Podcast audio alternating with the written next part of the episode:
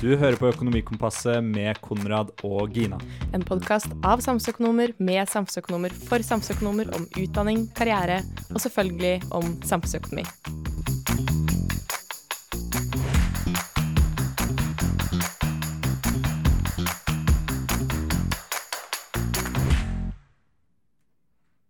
Velkommen tilbake til Økonomikompasset, denne gangen med kun Konrad, siden Gina dessverre er indisponert. Men med oss i studio i dag har vi Kjetil Haug. Kjetil tok master i samfunnsøkonomi ved Universitetet i Oslo. Han har jobbet som sjefsøkonom og forvalter i diverse banker og fond, før han i 2011 ble investeringsdirektør for Oslo Pensjonsforsikring. I 2018 ble han administrerende direktør i Folketrygdfondet, som er den største institusjonelle investoren på Oslo Børs. Kjetil har sittet, og sitter fortsatt, i styre og i representantskap i flere av Norges største virksomheter. Vi er veldig glade for å ha han med oss i dag. Kjetil, velkommen så mye til oss. Tusen takk. Um, la meg starte med å spørre deg. Samfunnsøkonomi, som er det du tok master i. Hvor kom interessen for det fra? Eh, interessen den eh, kom nok litt seinere i livet, men eh, jeg tenkte over det at eh, eh, jeg kommer jo fra et ganske akademisk preget hjem. Jeg har, eh, Særlig på morssiden så var det veldig mange med høy utdannelse og doktorgrader. Så jeg var nok litt inspirert av det å i hvert fall prøve å utnytte det potensialet som var der hos meg.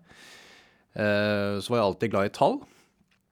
Og så hadde jeg også en eh, familie som var veldig samfunnsengasjert. Så da samfunn pluss økonomi, det må bli samfunnsøkonomi. Så det er kanskje den enkle forklaringen.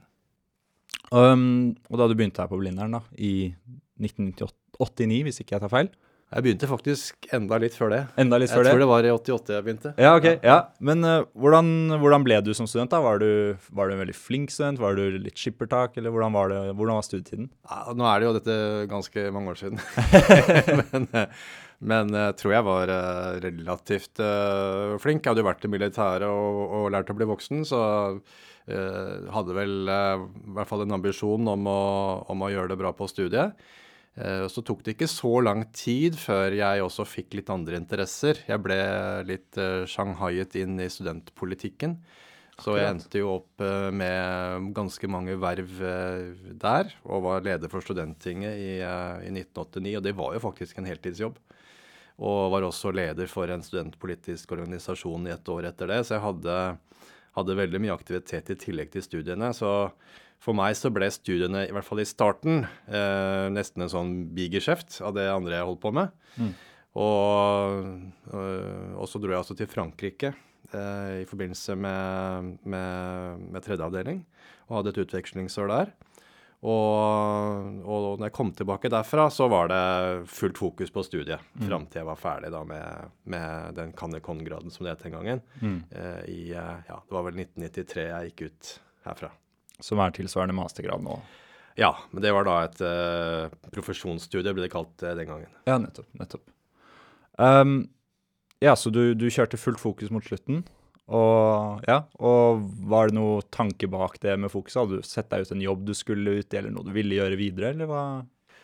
Nei, men jeg ønsket jo å, å, å få et eh, godt utgangspunkt for uh, jobbsøking etterpå. Men jeg hadde ingen klar idé om hvor jeg skulle den gangen. Jeg hadde uh, selvfølgelig var mange som gjerne ville jobbe i Finansdepartementet eller i Norges Bank eller i Statistisk sentralbyrå, den type arbeidsgivere som mange søkte seg mot.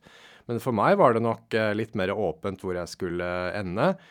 Og jeg søkte på litt ulike jobber når jeg var ferdig, og hadde flere mulige retninger jeg kunne gå i. Eh, men eh, det som skjedde da, var jo litt som det er med livet ofte, det er litt tilfeldig. Og da kom det en jobb som eh, rådgiver for Arbeiderpartiets stortingsgruppe på finansområdet. Og jobbe for finanskomiteen. Ja. Og det var bare helt utrolig spennende for meg den gangen. Midt i blinken, det kanskje? Var, det var virkelig midt i blinken. Da kunne jeg både bruke det politiske engasjementet og økonomikompetansen Eh, og få en veldig spennende jobb eh, på Stortinget. Det må jo sies at jeg har en mor som også da var stortingsrepresentant på denne tiden her, så jeg hadde jo litt forhold til Stortinget ja. og syntes det var utrolig spennende og fascinerende. Um, og fikk den jobben, så da var det den veien det ble i starten. Nettopp. Vil du fortelle litt mer om hvordan det var å jobbe som økonomisk rådgiver på Stortinget? Hva, hvordan så en arbeidshverdag ut da, som det? Ja, det var eh, Jeg var jo veldig ung da den gangen og kom rett fra studiet og, og ville jo være med på alt som skjedde. Så det var jo litt grenseløst. Og den jobben er jo jeg si, eh, Jeg vil kanskje ikke anbefale det som den første jobben du har. Nå er ikke dette en vanlig jobb heller. Eh, For det er hektisk på Stortinget, og det er perioder hvor det går døgnet rundt. og og øh, ganske intenst i perioder, men det var fantastisk spennende. Det var jo også en historisk periode for Norge som i ettertiden også framstår som veldig interessant. Gros regjeringsperiode. Eh, jeg er også med på det skiftet som skjedde når hun øh, gikk av som partileder og Torbjørn Jagland kom inn og, og gikk av på 36,9 osv. Det var jo dramatiske politiske tider den gangen og veldig mange interessante politikere som dominerte. Jens Stoltenberg, jeg jobbet for Karl Erik Schjøtt-Pedersen, Sigbjørn Johnsen. eh, alle disse ruvende skikkelsene som har vært med å forme norsk eh, økonomisk politikk, mm. fikk jeg jobbet tett med. Og det var eh, veldig, veldig spennende. Wow. Fantastisk. Um, og så etter det var det da videre til en mer samfunnsøkonomi-type jobb. Ja, i, eh, i den perioden på Stortinget så fikk jeg også litt kontakt med, med et miljø eh, litt utenfor. Eh, eh, faktisk en økonom som fortsatt er veldig aktiv og profilert, som heter Jan eh, Ludvig Andreassen, som er eh, sjeføkonom eh, i dag.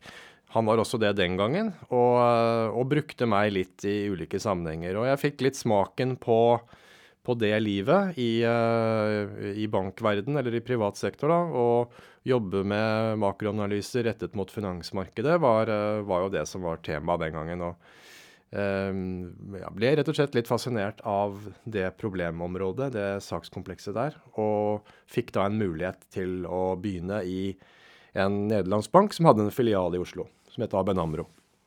Ja. Så du begynte med å gjøre makroanalyser til finansielle kunder. Kunder i finanssektoren. Det er riktig. Så da, da, var, litt, da var, jobben min det, det var, gikk ut på å, å, analysere markedene, se på pengepolitikk, se på renter, eh, hvordan dette ville bli framover, og komme med interessante synspunkter som kundene kunne bruke i sine investeringsbeslutninger. Og det var da kunder av denne banken, som, eh, som var stort sett pensjonskasser og, og andre institusjonelle investorer som vi jobbet mot eh, der. Og da fikk du kanskje øynene litt opp for finansverden gjennom den jobben? Ja, definitivt. Og det var egentlig det, det var sånn det begynte for meg, da, med, med en karriere innen finans. At eh, jeg sa farvel til eh, offentlig administrasjon på Stortinget, og så begynte jeg da på, på, eh, på meglersiden i denne banken. Og Så ble, varte ikke det så lenge, for det, de valgte å legge ned den Oslo-filialen. Men da fikk jeg tilbud om å bli sjeføkonom på det som da var Alfred Berg eh, aksjesiden. Eh, så aksjemeglervirksomheten til, til eh, den samme nederlandske banken, da, men under merkenavnet Alfred Berg. Så dette var jo en stor aktør i det norske markedet på den tiden, og hadde, hadde en topp tre-posisjon blant, blant, de norske meglerhusene. Og det å få være sjeføkonom der blant uh, aksjemeglere, det var, uh, det var, utrolig spennende, men også krevende. Mm. For da måtte du slåss om oppmerksomheten med alle andre analytikere og alle andre som hadde ting de skulle kommunisere til meglerne og videre til kundene. Så da var det om å gjøre å prøve å, å lage interessante analyser. Prøve å lage relevant, relevante analyser, ikke minst. Mm. Hva kan en aksjemegler bruke av makroinformasjon i, i, salget mot kunder og i analyseringen av markedet? Mm. Så høyt tempo, kan jeg tenke meg? Ja, veldig høyt tempo og korte frister på alt. Og ja. typisk at du da skal kommentere nøkkeltall som kommer uh, på daglig basis, og mm. ha en oppfatning av om et tall er bra eller dårlig, og gjerne også si noe om hvor, hvor man tror uh, tallene kommer til å ende, og hvordan markedet skal gå osv. Det er en del av jobben. Og så er det en annen del av jobben som er litt mer langsiktig, som går ut på å prøve å trekke ut uh, strukturelle trender av, av en situasjon i økonomien. Så det er begge deler, men det er veldig mye fokus på det kortsiktige. Og dette er jo ting som gjøres i kommersielle banker i dag, og DNB Markets tenker jeg på, og sånne type banker. Absolutt. Så hvis du har lyst til å jobbe der, så blir det høyt tempo og høye krav, da. Du skal komme som du sier, med relevante analyser og ha interessante synspunkter, kanskje. Ja, og det, det er noe med det å være makroøkonom i finansbransjen er ikke Det høres jo veldig spennende ut, men det er faktisk eh, nesten Hva skal jeg si Man kan lett bli litt desillusjonert, for det, det er ikke så lett alltid å, å, å komme med relevante og gode analyser. For veldig ofte så er eh, Hvis man skal analysere de store, brede markedene, så er de såpass effisiente at det å komme med noe som har en verdi, det er faktisk ikke så lett som det høres ut. Så det holder ikke å se sammenhenger og, og, og, og gjette på ting. Du må, du må, kunne forstå ting som andre kanskje ikke har sett helt. Og det, det er faktisk verre enn det høres ut. Og det, i den karrieren jeg har hatt der som analytiker, så er det ikke veldig mange rapporter jeg er sånn veldig fornøyd med. Strålende fornøyd med. Noen er det, ja. som jeg syns ble veldig gode, og som traff bra. Men det å komme med, med noe til torg som virkelig monner, det, det, det, er ikke alltid så lett. Um, så etter du var, eh, hadde vært sjefsøkonom i ABN AMRO og Alfred Berg, så etter hvert så ble du jo investeringsdirektør i Oslo Pensjonsforsikring. Var det måte overgangen fra samfunnsøkonom, makroøkonom, til en veldig finansrettet stilling? Ja, jeg vil jo si at begge stillingene er finans, finansrettede, da. Men uh, den, uh, du kan kanskje skille mellom eh, salgssiden, altså meglersiden, ja. og kjøpssiden, eller investorsiden. Mm. Og det Jeg hadde faktisk en, en, en lite opphold i Folketrygdfondet før jeg gikk til Oslo Pensjonsforsikring også, som, som forvalter. Ja. Men, men, men, det var jo det var starten på den karrieren, investorkarrieren min. Ja. Hvor jeg kunne sitte og faktisk uh, sette litt penger bak uh, synspunktene. Så fra å anbefale andre hva de skulle gjøre, til å faktisk gjøre det selv. Mm. Mm. Det syns jeg var, uh, det var en helt riktig, riktig vei å gå. Mm. Så det å kunne bygge opp en portefølje og se at det virker, og, og se hvordan du kan generere avkastning og, og strukturere en portefølje på en god måte, det, Eh, der har jeg falt, der falt brikkene, brikkene, veldig på plass. Um, hvilke fordeler som samfunnsøkonom hadde du i den stillingen, følte du, da du kom inn på investorsiden? og Hvordan brukte du utdanningen din og det du kunne til å, til å ta gode beslutninger? Ja, jeg har, jeg eh, har jo sett eh, bladde, bladde, litt i gamle lærebøker for en stund tilbake, og så tenkte jeg hvor mye er det dette egentlig som jeg har hatt, fått, fått bruk for? Ja. Og jeg skal ikke innrømme at, eh, at, jeg har fått brukt for metoden eh, sånn, fra A til Å veldig, veldig mye. Men jeg tror det jeg har tatt med meg fra studiet, det er evnen til å eh, gripe tak i litt mer overordnede problemstillinger. Og se ting litt fra fugleperspektivet. Mm. Typisk det makroøkonomiske, at du kan se at uh, ting henger litt sammen. og så det, det er én ting jeg tror har vært en fordel for meg eh, når du skal jobbe med brede porteføljer, som jeg har gjort. At mm. du kan eh, lett sette deg inn i hvordan ting samvarierer, og du kan også forstå eh, de begrepene som er viktige da, for å få til gode resultater i forvaltning.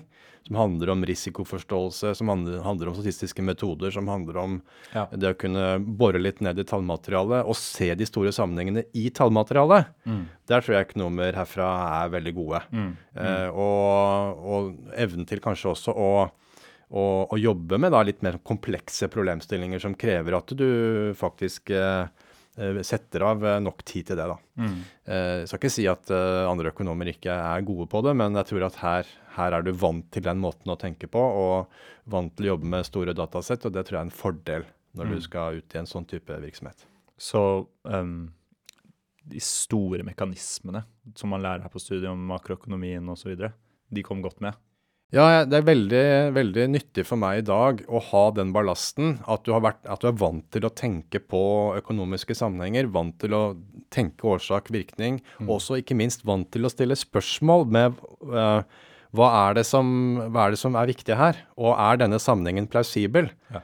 Er det en kausalitet som, som, gir mening, som er logisk, eller, eller, skal man se etter andre typer av svar? Mm. For det er så lett å og bare slenge ut av seg påstander og, og slenge ut av seg ting. Mm. Og det er for mange som gjør det. Og da er det greit å kunne stå som mottaker og si at vet du hva, det der tror jeg ikke på. Nettopp. Kritisk sans, med andre ord. Og kvantitativ eh, forståelse. Kvantitativ forståelse, kritisk sans, logisk tenkning, alle de tingene der, det, det må læres. Ja. Og litt om hvor var det du hang bak? Hvor var det du følte du måtte ta igjen med kollegaene dine? På hvilke deler av jobben og området? Ja, nå har jeg jobbet mye med aksje, aksjeområdet og også og obligasjons- og renteområdet. Det er klart, vi, vi kunne, Jeg kunne jo ikke så mye om selve instrumentet. Og forstå eh, Når du skal analysere en, en, aksje, så må du jo eh, gå inn i regnskapsforståelse på selskapet. Du må forstå governance. Du må, du må inn på andre områder enn det du fokuserer på her på dette studiet. Så sånn sett så er det noe jeg har følt litt på, at det er ikke min forse. Eh, så da, Men nå har jeg vært så heldig da, for å jobbe sammen med dyktige siviløkonomer som kan dette veldig godt, og da ser ikke jeg noe behov for å gå dem i næringen på det. Så kan jeg konsentrere meg om det jeg er god på, så får de analysere selskapene. Så Sånn er den arbeidsdelingen alltid vært for meg. Så jeg har aldri prøvd å, å gå inn og, og, ta den delen av jobben. Men det er klart at der, der, er jeg avhengig av å ha god input fra andre for å få totalen til å bli bra. Så rett og slett litt arbeidsfordeling? Rett og slett. Som sånn er det. Eh, Adam Smith var uh, glad i. ja, ja, men, det er jo, man har jo sine komparative fordeler, og det får man utnytte. Absolutt. Så ja, du, du, var, du har rett og slett samarbeidet godt da, med kollegaene dine. Dere har tatt de delene av jobben som kreves hver for dere. og fått et bra produkt til slutt. Ja, du må sette dette her sammen. Uh, I Oslo Pensjonsforsikring som, uh, så, så, skal du bygge en portefølje som både skal gi avkastning, men som også skal tåle uh, risiko i markedet på en litt annen måte. Den, den, er, den er, mer følsom for risiko. Mm. Du skal ikke ha for store svingninger gjennom et år. Nei. Og da må du strukturere porteføljen sånn at du prøver, prøver å få begge deler til. Og da er det f.eks. eiendom, en aktivaklasse som, du, som har vært interessant å se på. Mm. Å investere i eiendom, det, det er et håndverk. Ja. Og da må du ha folk som kan det. Ja. Og akkurat som du må ha det på aksjesiden og på obligasjonssiden og på alle andre ting du velger å investere i, så må du ha eksperter mm. for å gjøre det bra. Så det, du setter sammen et team av spesialkompetanse, og så skal du sy det sammen på toppen. Mm. Så det er sånn jeg alltid har tenkt, at uh, ikke, jeg kan ikke ta alle disse rollene. Det blir ikke bra. Du må, må få tak i de folkene som er gode på sitt felt. Mm. mm. Um, det er jo veldig mange som, ikke bare studenter her, men studenter generelt, som interesserer seg for finans. De investerer kanskje litt privat osv. Men her på Blindern så er jo, og samfunnsstudenter lærer kanskje ikke mest om det på studiet. Som du sier, det er jo, du hadde ikke veldig god kjennskap til hvordan instrumentene fungerte i seg selv. Um, tror du i dag at samfunnsøkonomistudenter stiller svakere inn, og søker på jobber innen finans? Eh, det spørs akkurat på hvilken jobber du tenker på. Men hvis du tar utgangspunkt i altså, hva, er det, hva, er det, hva er det kandidatene herfra er gode på? De er, de er, kjempegode på, som jeg sa, på det, det overblikket det, og, og, tallforståelsen, jobbe med datasett osv. Alle de tingene der mm. man har kjempebra selvtillit på. Mm. Og så er det noe man lærer her som, eh, eh, som jeg tror også har en veldig stor verdi i de aller fleste investormiljø, det er at man kan økonomisk politikk. Ja. Pengepolitikk, mm. ikke minst. Mm. Hvordan er sammenhengene? Hvor, eh, hva er det sentralbanken legger vekt på? Hvordan, på? Hva påvirker renten? Hvordan skal vi forstå dette her i den store sammenhengen? Det, det, må du nesten ha på plass for å kunne ta gode investeringsbeslutninger. Veldig mye er relatert til renten og rentenivået. Så pengepolitikk, valuta, ikke sant. Eh, hva er det som påvirker valutakursene? Eh, hvordan, hvordan, hva slags type effekter har det på finansielle instrumenter? Mm. Eh, risikoforståelse, risikovurderinger. Mm. Absolutt noe som jeg tror eh, man herfra kan bidra mer med enn i dag, faktisk.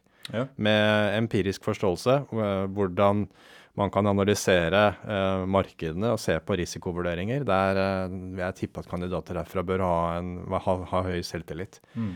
Så det er ikke alle jobber som passer like godt, men absolutt så er det veldig mange steder hvor eh, kandidater herfra vil være veldig relevante. Så eh, jeg oppfordrer egentlig alle til å se på de mulighetene og velge kurs som er relevante og interessante, eh, og tenke at her, her er det absolutt muligheter. Mm.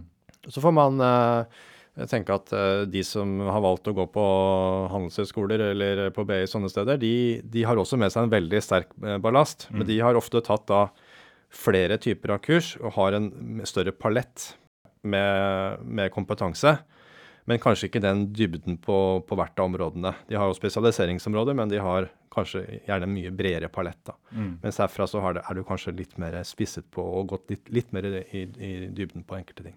Så kanskje en mer sånn analytiker-type stilling er et sted du stiller veldig sterkt, da? Absolutt, og det syns jeg. Og alle, alle strategiske type tenkning eh, og, og overblikk eh, der hvor det kreves, så syns jeg det er spennende å komme herfra. Kjetil, du gikk jo fra å være investeringsdirektør i Oslo Pensjonsforsikring til å bli administrerende direktør i Folketrygdfondet. Og det, det har du vært i fem år nå, hvis ikke jeg tar feil. Du begynte i 2018, september 2018. Fortell oss om Folketrygdfondet. Hva, hvem er dere, hva gjør dere, hvordan jobber dere? Ja, Folketrygdfondet eh, det har da for det første ingenting med folketrygden å gjøre lenger. Nei. Det hadde det en gang i tiden. Ja. Men eh, det, det var jo på 60-tallet at eh, eh, Gerhardsen-regjeringen eh, fant ut at man skulle ha folketrygd, og at alle skulle ha rett til en eh, eh, pensjon og, og viss økonomisk sikkerhet. Så det var en trend som, vi, som var i flere europeiske land. Man prøvde da å sette av penger til å fondere opp en, eh, en offentlig pensjonsordning, og så fant man ut på 70-tallet etter hvert at, at det var ikke mulig å få til. Forpliktelsene, ytelsene fra ordningen, ville overstige det man, er, man ville være i stand til å få inn i fondskapital. Ja, nettopp. Så eh, på den tiden så var det satt inn uh, ca. 11 milliarder kroner i Folketrygdfondet. Og da valgte man å lukke hele ordningen. Si at eh, man flytter alt sammen over på statsbudsjettet. Og, og gjør det om til en sånn pay as you go-ordning. Mm. Og så ble Folketrygdfondet liggende igjen som en sånn slags eh, sånn bufferfond for uh, folketrygden. Mm. Og det, det var en del år, det skjedde veldig lite. Og så kom eh, bankkrisen i Norge. Og da fant man ut at Folketrygdfondet det kunne brukes som et virkemiddel til å stabilisere norsk økonomi på den tiden. Mm. Og da handlet det om å eh, understøtte aksjemarkedet gjennom å, gjennom å åpne for at Folketrygdfondet kunne investere i aksjer. Nettopp. Så det var bankkrisen som utløste det. Ja. Uh, og så uh, fikk man etter hvert også en viss adgang til å investere i aksjer utenfor Norge. Uh, og, og argumentasjonen den gangen var at eh, fondskapitalen hadde blitt såpass stor at det var nødvendig å plassere noe utenfor Norge. Det, dere fikk en for stor rolle etter hvert i det norske markedet, kanskje? Ja, den gangen var, var vel det begrunnelsen for at man åpnet litt opp for Norden. Ja. Eh, og husk at dette også er før oljefondets tid, så ja, i hvert fall før det ble stort. Ja.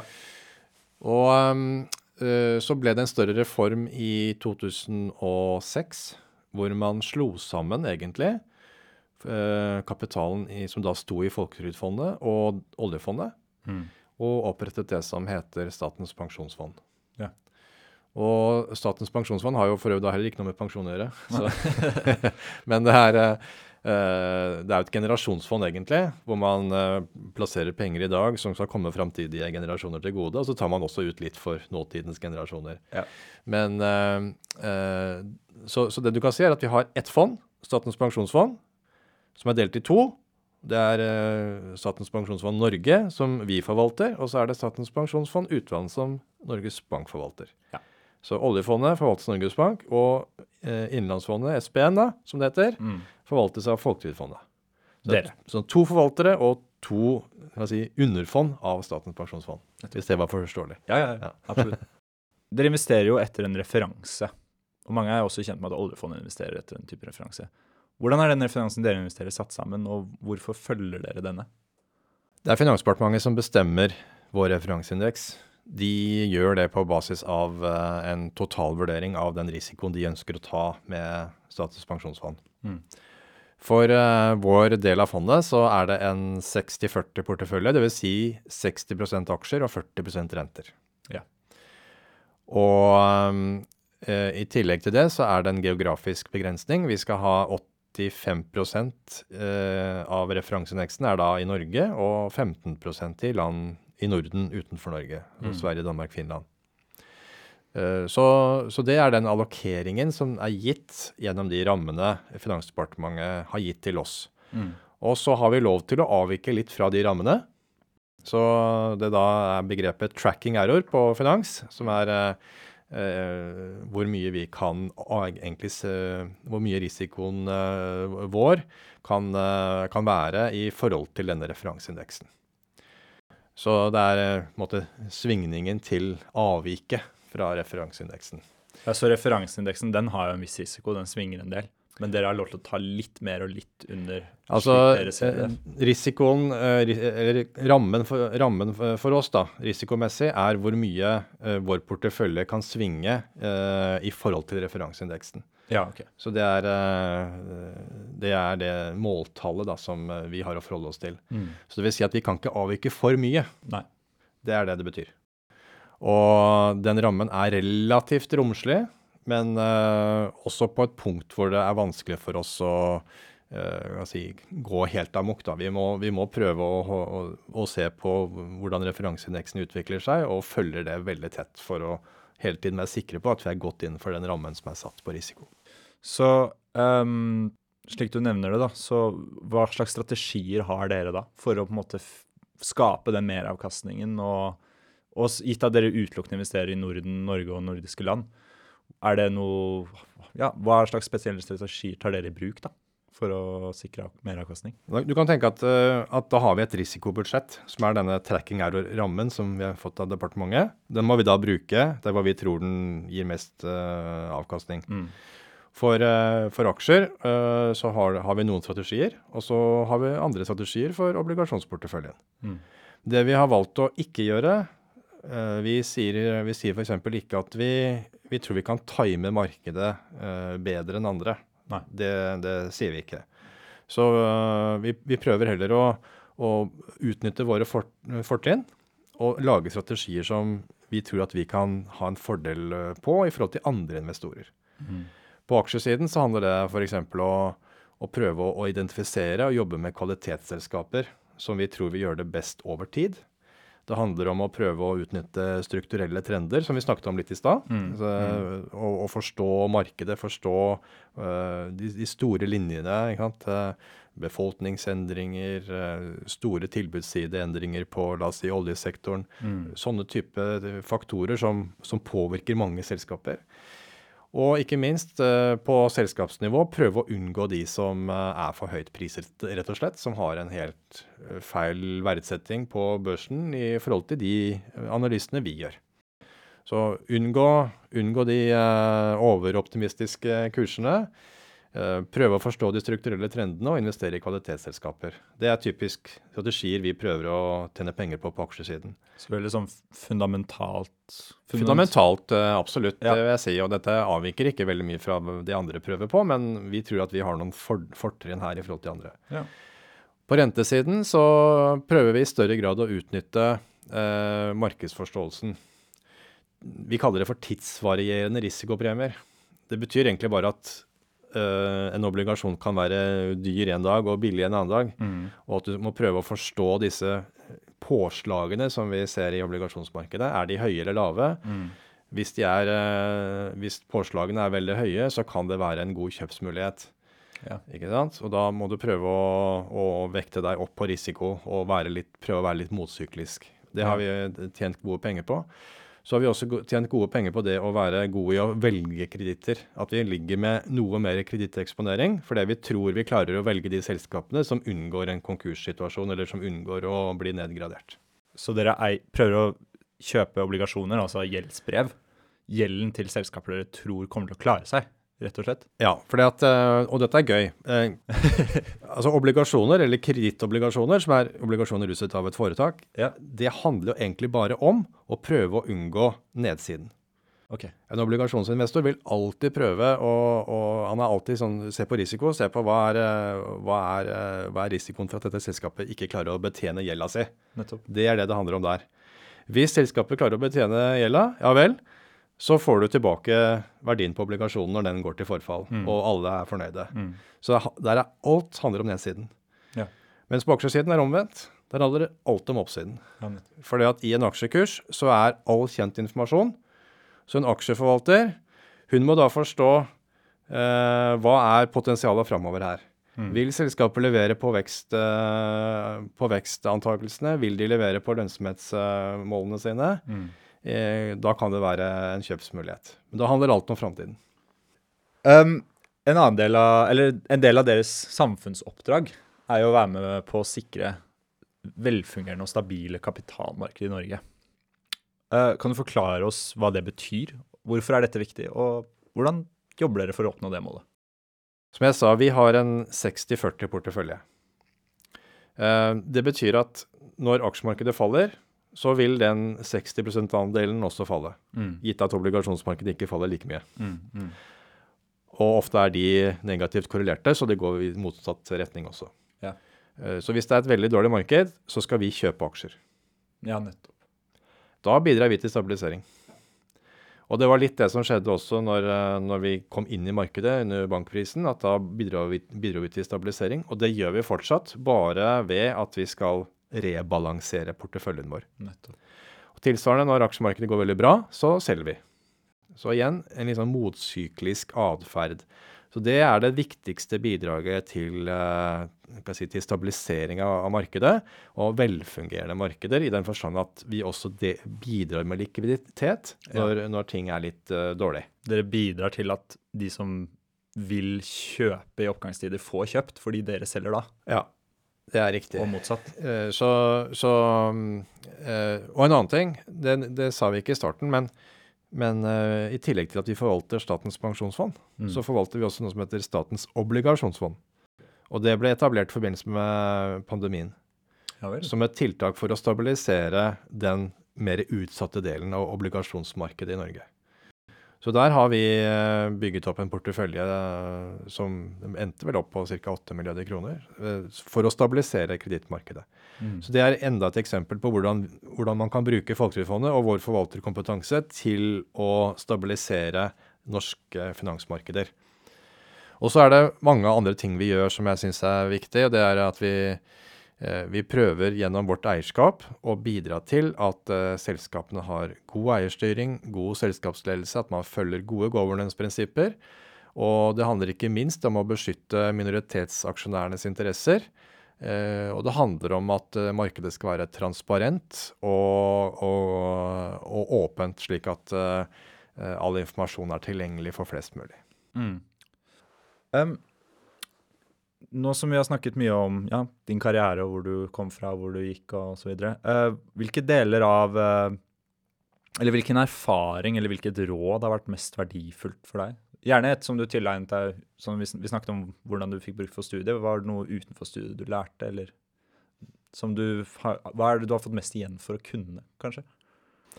Uh, ja, si det. Eh, jeg, eh, jeg har jo alltid vært interessert i musikk, og, og eh, en ting som har slått meg noen ganger, det er at den der evnen til å være kritisk Mm. og, og tenke litt utenfor boksen. Eh, og jeg, jeg vokste jo opp på altså 70-80-tallet. Da var jo da var det punken var eh, ja, hadde jo måtte vært på toppen, da, men det var fortsatt mye, mange punkere her i, her i Oslo. Så det var Jeg tenkte, jeg har sånn tenkt på det at det å være litt punker Ja. av og til, det, det er ikke dumt.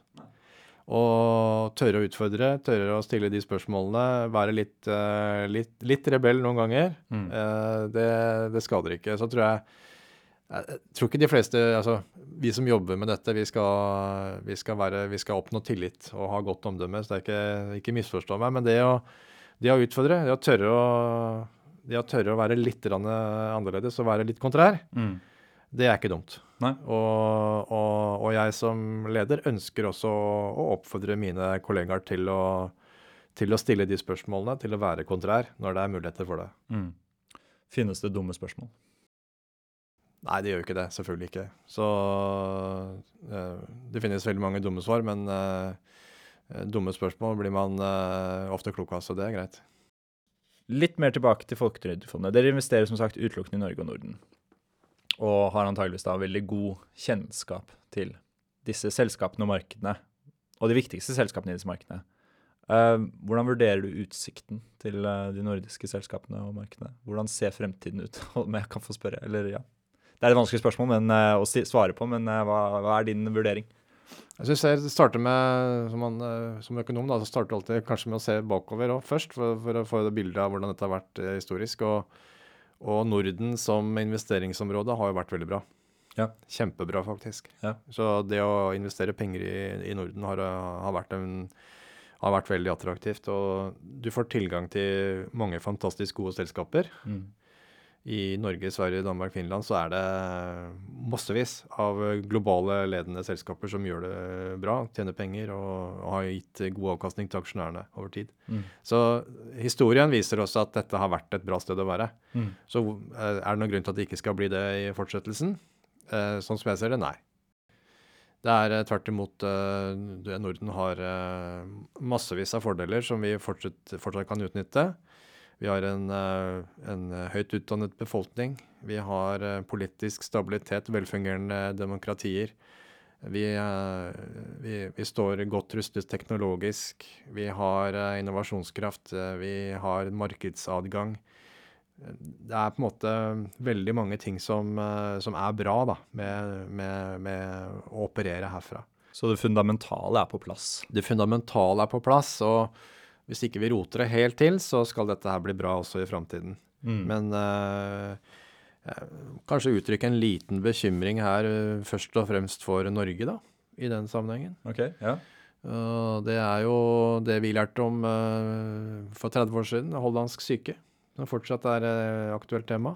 Mm. At vi rett og slett har, har en svær pengebinge som gjør at vi kan tillate oss å, å, å kanskje slappe litt mer av enn andre. Mm. Og det, det kan bli en sovepute. Når du mener sier slapp av, hva tenker du på da? Nei, vi uh, vet, jeg husker ikke akkurat hvor mye som, uh, av oljefondet som finansierer statsbudsjettet, men jeg lurer på om det er en tredjedel eller noe sånt nå. Mm. Og det, uh, det gjør at vi, vi kan tillate oss å ha en veldig høy offentlig sektor i Norge. Mm. Og, og det betyr at eh, de realaktiva vi skal bruke, de, de er jo den, samme. Så det betyr at du får en crowding out-effekt. Ja. Og når du i tillegg da skal ha en veldig sterk oljesektor, så, det, eh, så går det på bekostning, kanskje, av uh, mulighetene til å skape alternativ industri. Nettopp. Så alt som ikke er olje i offentlig sektor, blir litt spist opp fra begge sider? Det kan se sånn ut, og eh, hvis du ser på Oslo Børs, så er det over de siste årene vært, har denne vært svak Mm. i forhold til de andre nordiske børsene. Og særlig Sverige og Danmark. Men eh, det kan, og vi har hatt litt problemer med å få opp nye, store selskaper. Equinor er kjempesvært og fantastisk eh, selskap, men, eh, og vi har andre gode selskaper. Men eh, vi sliter med å få fram de virkelig store vinnerne innenfor andre sektorer. Mm. Mm. Hva, hvilket sektorer tror du hadde hatt den største muligheten til å bli store i Norge nå, da? Jeg tror vi har Hvis de hadde fått tillatelse, på en måte? Ja, det, dette blir veldig kontrafaktisk. Jeg tror ikke det er mulig å, å si det med sikkerhet. Men jeg, du, kan si, du kan jo se bak da og se at det er en del selskaper som har blitt kjøpt opp og, og som har forsvunnet fra børsen, som, eh, eh, hvor andre land kanskje har tatt tak i den stafettpinnen på en litt annen måte. Innenfor helseområdet så hadde vi jo gode selskaper i Norge, men der er det nå Danmark som er eh, blitt mye mer dominerende og har fantastiske globale ledere. Eh, Du har eh, innenfor tech-området så hadde vi også, eller har vi fortsatt, mange gode norske selskaper. Men, men igjen så, så har, har vi sett at de virkelig store vinnerne de finner man andre steder. Og sånn kan du gå på en del av de si, mer høykompetansesektorene. Mm. Uh, innenfor industri og innenfor uh, energiområdet da, særlig, så, og sånn som en del av konsumvaresektoren, uh, fisk ikke minst, Mm. så har vi jo veldig bra, bra industrier i Norge. Mm. Men, men sektorsammensetningen er skjev. Og det er også et poeng, da, for når du ser på Norden samlet, så blir denne sektorsammensetningen mye, mye bedre. Ja. For det vi er dårlige på i Norge, det er de gode på i andre land, og vice versa. Mm. Så Norden samlet sett er et veldig godt investeringsunivers. Mens Mm. Norge isolert, og Danmark isolert f.eks., blir veldig spist. Skulle du gjerne investert mer i Norden og mindre i Norge? Ja, du det en sa i et intervju med Kapital at du ønsket det. Hvorfor? Det, grunnen til, til det er jo også fordi vi har en utfordring i eh, fondet, altså SPN. Da, det er at, som, jeg, som vi snakket om i stad òg, når, når det i sin tid ble åpnet for å investere utenfor Norge, så var det fordi fondet var blitt stort i det norske markedet. Mm. Og den situasjonen er jo fortsatt der. Vi eier 10% av hovedindeksen. Det er mye. Mm. Og det gjør at uh, hvis vi skal vokse videre, så, så er det begrensa hvor mye det norske markedet kan absorbere av den kapitalen. Og da er det noen alternativer. Du kan ta penger ut av fondet. Du kan eh, investere i andre typer av aktiva. Eh, eller du kan endre den geografiske allokeringen. Mm. Og vi har anbefalt, som en veldig klar tilrådning til departementet, at man øker andelen i Norden og reduserer litt i Norge. Da, da reduserer du presset på, på den eierandelene i det norske markedet. Det er vanskelig for dere å manøvrere i Norge, fordi dere er så store. Eh, ja. Dere skaper litt sånn, hva skal man si, dere har nesten litt sånn monopolmakt, kanskje? Dere endrer prisene litt bare med det dere gjør, eller er det en feil klassifisering? Nei, det, det er riktig tenkt. For det, du kan også tenke deg at i, i, på en børs så har du uh, selskaper som er veldig likvide og veldig lett å omsette. Og så Mm. har du utover på halen så har du noen som nesten er helt umulig å omsette. Mm. Når vi da har store poster, så, så sier det seg litt selv at ute i halen der så må vi bruke lang tid på å tilpasse våre posisjoner. Ja. Så uh, jo, jo større eierandeler du har, jo større blir den utfordringen. Og særlig i et marked som det norske. Så ideelt sett, fra vårt ståsted som kapitalforvalter, så vil jo vi gjerne ha likvide markeder og, og mange investeringsmuligheter. Mm. Så sånn vil vi tenke rundt det. Mm. Og det blir en bedre, bedre portefølje, for du får eh, bedre spredning av risiko når du, når du går bredt. Du får den der eh, gode sektorsammensetningen tvers av Norden som du snakket om. Ja, du får tilgang på flere kvalitetsselskaper, og du får en bedre risikospredning. Eh, en viktig, kanskje det viktigste som har skjedd i samfunnsøkonomien de to siste årene, er jo inflasjonen. Eller det må jo være, sies å være det. Hvordan har inflasjonen påvirket dere? Altså folk, hvordan dere forvalter? Og hvilke tiltak har dere gjort for å komme best mulig ut av den situasjonen? Uh, inflasjonen er uh Uh, selvfølgelig veldig viktig både for rentesetting og også for uh, øvrig prissetting, vil jeg si. Og lønnsdannelse og alt mulig. Lønnsomhet er det Og det har jo det er sikkert ikke studiet forandret seg så mye siden jeg gikk der. Det er, eh, det er mange måter å analysere inflasjon og hvordan dette eh, er. Jeg tror en feil som er gjort, er at man uh, har vel egentlig sagt at Philips-kurven er død uh, mange steder, og, og Mm. tenkt at, uh, at man kan tåle da en veldig lav arbeidsledighet over tid uten Mm. at det får inflasjonspress. Og så har man skyldt på alle mulige slags andre faktorer med globalisering og osv. Ja. Men eh, jeg, jeg har jo hele tiden vært eh, skeptisk til den si, globale eh, sentralbankpolitikken med nullrentepolitikk, med kvantitative lettelser, med ekstreme stimulanser og blåse opp eh, sentralbankbalansene. Mm. Det, det har vært et eksperiment. Mm. Det har ført til, eh, tror jeg, en viss feilallokering av kapital Mm. og overinvesteringer enkelte steder, kanskje særlig innenfor eiendom. Og nå er det payback time. Eh, Den eh, inflasjonen kom ganske plutselig når den først kom, og ble, ble litt vanskelig å håndtere. Og da må man selvfølgelig også stramme til eh, raskere. Det ble også gjort, syns jeg, merkelige vurderinger under pandemien. Og til og med her i Norge ble renta satt til null. Mm. I ettertid så var det, må jeg være såpass tydelig og si at jeg, det, det, det må ha vært feil. Eh, og det betyr at man også nå i ettertid får et større behov for å øke renta tilbake. Men lett å si i retrospekt, det var, det var vanskelig den gangen, det skjønner jeg. Men eh, eh, jeg tror at, eh, at vi, vi har slitt litt med det. Og, og nå må vi få kontroll på inflasjonen før vi kan se at rentetoppen er nådd. Mm. Men uh, hva har dere gjort i Folketrygdfondet for å få bukt med ja, altså endrede aksjepriser og økte, hvis jeg ikke tar helt feil, økte rente på obligasjoner osv. i noen steder? Hva har dere gjort for å ja, sikre meravkastningen, gjøre jobben på best mulig måte? Vi, eh, vi prøver å være kontrære. Vi prøver å se på mulighetene. Og det som, det som har skjedd når, eh, eh, når inflasjonen nå, nå økte kraftig, var jo nettopp at du fikk ganske sterke effekter på obligasjonskursene. Mm. I 2022 så hadde vi ganske kraftig negativ avkastning på, på obligasjonsporteføljen vår.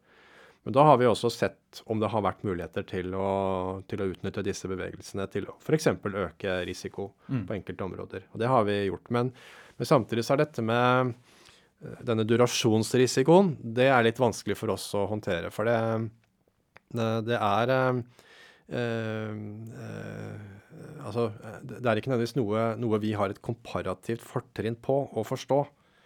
Eh, Du kan, du kan vedde litt på renten, men det er nesten litt sånn 50-50. Mm. Du kan, eh, du kan ha rett og du kan ta feil, men du, du kan ikke si med veldig stor overbevisning at renta skal opp eller ned. Markedet har jo tatt inn over seg all den informasjonen som er tilgjengelig. Mm. Så det skal litt til Mm. å, å, å komme med en, eh, en vurdering som overprøver markedet. Så vi har valgt å ikke legge for mye risiko på det å prøve å, å vedde mot markedssynet på, på, på selve renteutviklingen. Ja. Men vi prøver heller å se om det er, er lommer i dette markedet som har fått en feilprising som følge av en større bevegelse. Nettopp. Så dere ser liksom på, innenfor hver eneste lille altså ja, stat, selskap, innenfor disse, er det, noe, er det noe feil her, gitt den utviklingen som skjer? Ja. Rett og slett. Dere driver jo med aktiv forvaltning. Dere forvalter et fond på en aktiv måte. Dere velger hvor dere skal investere pengene, hva det skal I stor grad etter referanseindeksen, men dere driver jo og har et slingringsmål på hva dere skal gjøre. Hva dere kan gjøre. Um, det er jo mange pensumbøker innen finans og innflytelsesrike investorer som sier at aktiv forvaltning kan, Kanskje ikke tull, men det beste du kan gjøre, er jo bare å kjøpe et bredt indeksfond, eie så mange forskjellige typer aksjer som mulig, og så vekte det med obligasjoner eller å ha pengene i banken, avhengig av hvor mye appetitt for risiko har.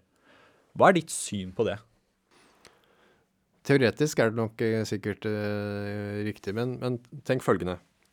Hvis, hvis alle hadde ment at det var riktig strategi, hva hadde du endt opp med da? Hvis alle satt med indeksforvaltning? Du hadde antageligvis Åh, nå setter du meg på spissen her. uh, antageligvis ganske høye priser, da, rett og slett, i de største selskapene. Og antageligvis Ja, du hadde jo gått glipp av mye av de der um, Hva skal man kalle det? De der, altså, du hadde jo ikke hatt mulighet til å rette opp i markedet, da, på en måte, i de uh, feilprisene som skjer. Hvis du ikke har folk som shorter eller går uh, heavy inn i noen selskaper, så vil jo markedet aldri skjønne at uh, her er det bare hvor det satses, og her burde vi ta pengene ut. Så feilprising. Nei, jeg syns du sier det veldig bra. Jeg, jeg, altså, det, det som er, gjør markedet interessant, er at du har aktører som har litt forskjellig eh, analyse. Ja. Som mener forskjellige ting. Ja. Hvis ikke så er det ikke noe marked. Hvis alle mener det samme, så, så er det jo ingen transaksjoner lenger. Da stopper likviditeten. Da, da faller på en måte litt bort. Ja. Hele poenget med å ha dette markedet er at det skal være transaksjoner. eh, Noen som selger og noen som kjøper, og som har ulikt syn på, på verdiutviklingen. Det er det som gjør dette spennende. Og eh, problemet er jo hvis alle skal inn i en indeksforvaltning, som er ja, den er billig. Eh, fordi at du slipper å analysere. Du kan bare følge en indeksleverandør og hva denne indeksleverandøren finner det for godt å ha inn av selskaper. Så, eh, så stopper jo også muligheten opp da, for å bruke kapitalmarkedet til det det faktisk skal være, og som er å gi en riktig pris på aktiva og sørge for at du kan hente kapital og bidra til likviditet. Så det er jo, tenker jeg, en sånn strukturell utfordring med det. Og vi ser litt tegn til at i markeder med veldig mye indeksforvaltning, så har det faktisk blitt eh, mindre transaksjonsvolumer. Ja. Så det det er på en måte en effekt av det, da. Og så for deg som investor, ja, men du kan jo allikevel velge å gå i et indeksfond, ja. Eh, og jeg er enig i det. At for en småsparer så er det sannsynligvis det beste, fordi at da får du i hvert fall markedet, og du får det til en lav kostnad. Så det er helt greit. Eh, men da må du tenke hva, hva er det du egentlig da Hvilke beslutninger er du har tatt? For det første, eh, eh, over tid ser vi at indeksen, eller det som driver markedet, det er ofte veldig få selskaper som bidrar til avkastningen. Og de bidrar mye. Du tenker på, I global sammenheng så kan du tenke på disse tech-selskapene i USA. Hvordan de har blitt en ekstremt stor del av markedet. Få selskaper. Hvis, du har vært, hvis du ikke har investert i de, så har du jo tapt. Så en aktiv forvalter som har en konsentrert portefølje, og som ikke har fått med seg denne tech-boomen, vil ligge langt bak indeks.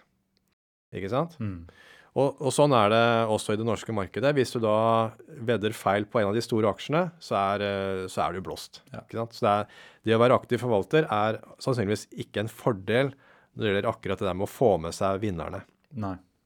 Men der hvor jeg tror aktiv forvaltning kan være veldig bra, det er å unngå taperne.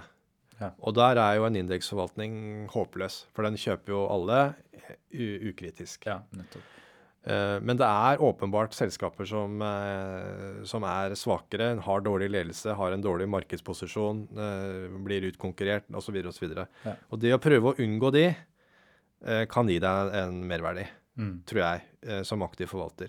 Og ikke minst også omdømmemessig, at du, at du unngår selskaper som, som kan påvirke omdømmet ditt negativt.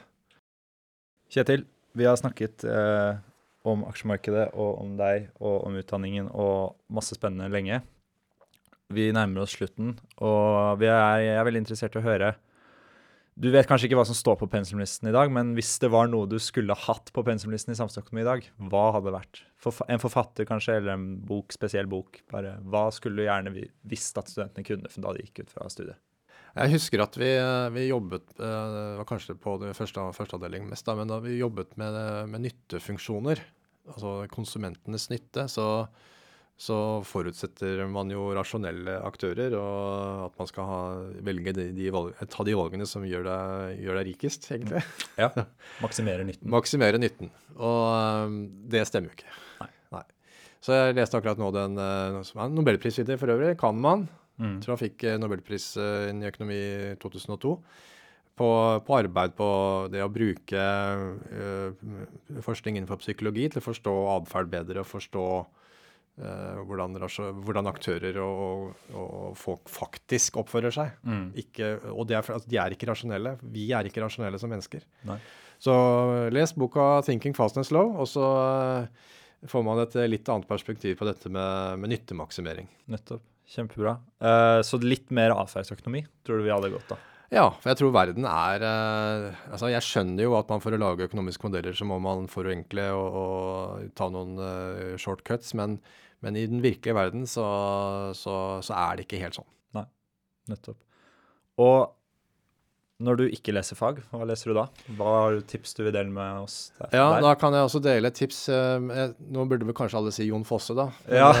eh, jeg kan ikke, kan ikke si at jeg har lest eh, mye Jon Fosse, så jeg har ikke kommet med han. Men, eh, men eh, en forfatter som jeg har lest, og som eh, døde i år det kan jo være, det kan være greit å henge det på det. Det var eh, Cormac McCarthy, Ja. som er en amerikansk forfatter. eh, fantastiske bøker. Eh, The Road er jo en klassiker, og du har uh, Grensetrilogien, og du har eh, No Country for Old Men, og det er mange bra bøker. Mm. Så eh, ta The Road, da. Eh, den, eh, den, er, den er beksvart, men, eh, men eh, veldig bra skrevet. Veldig bra.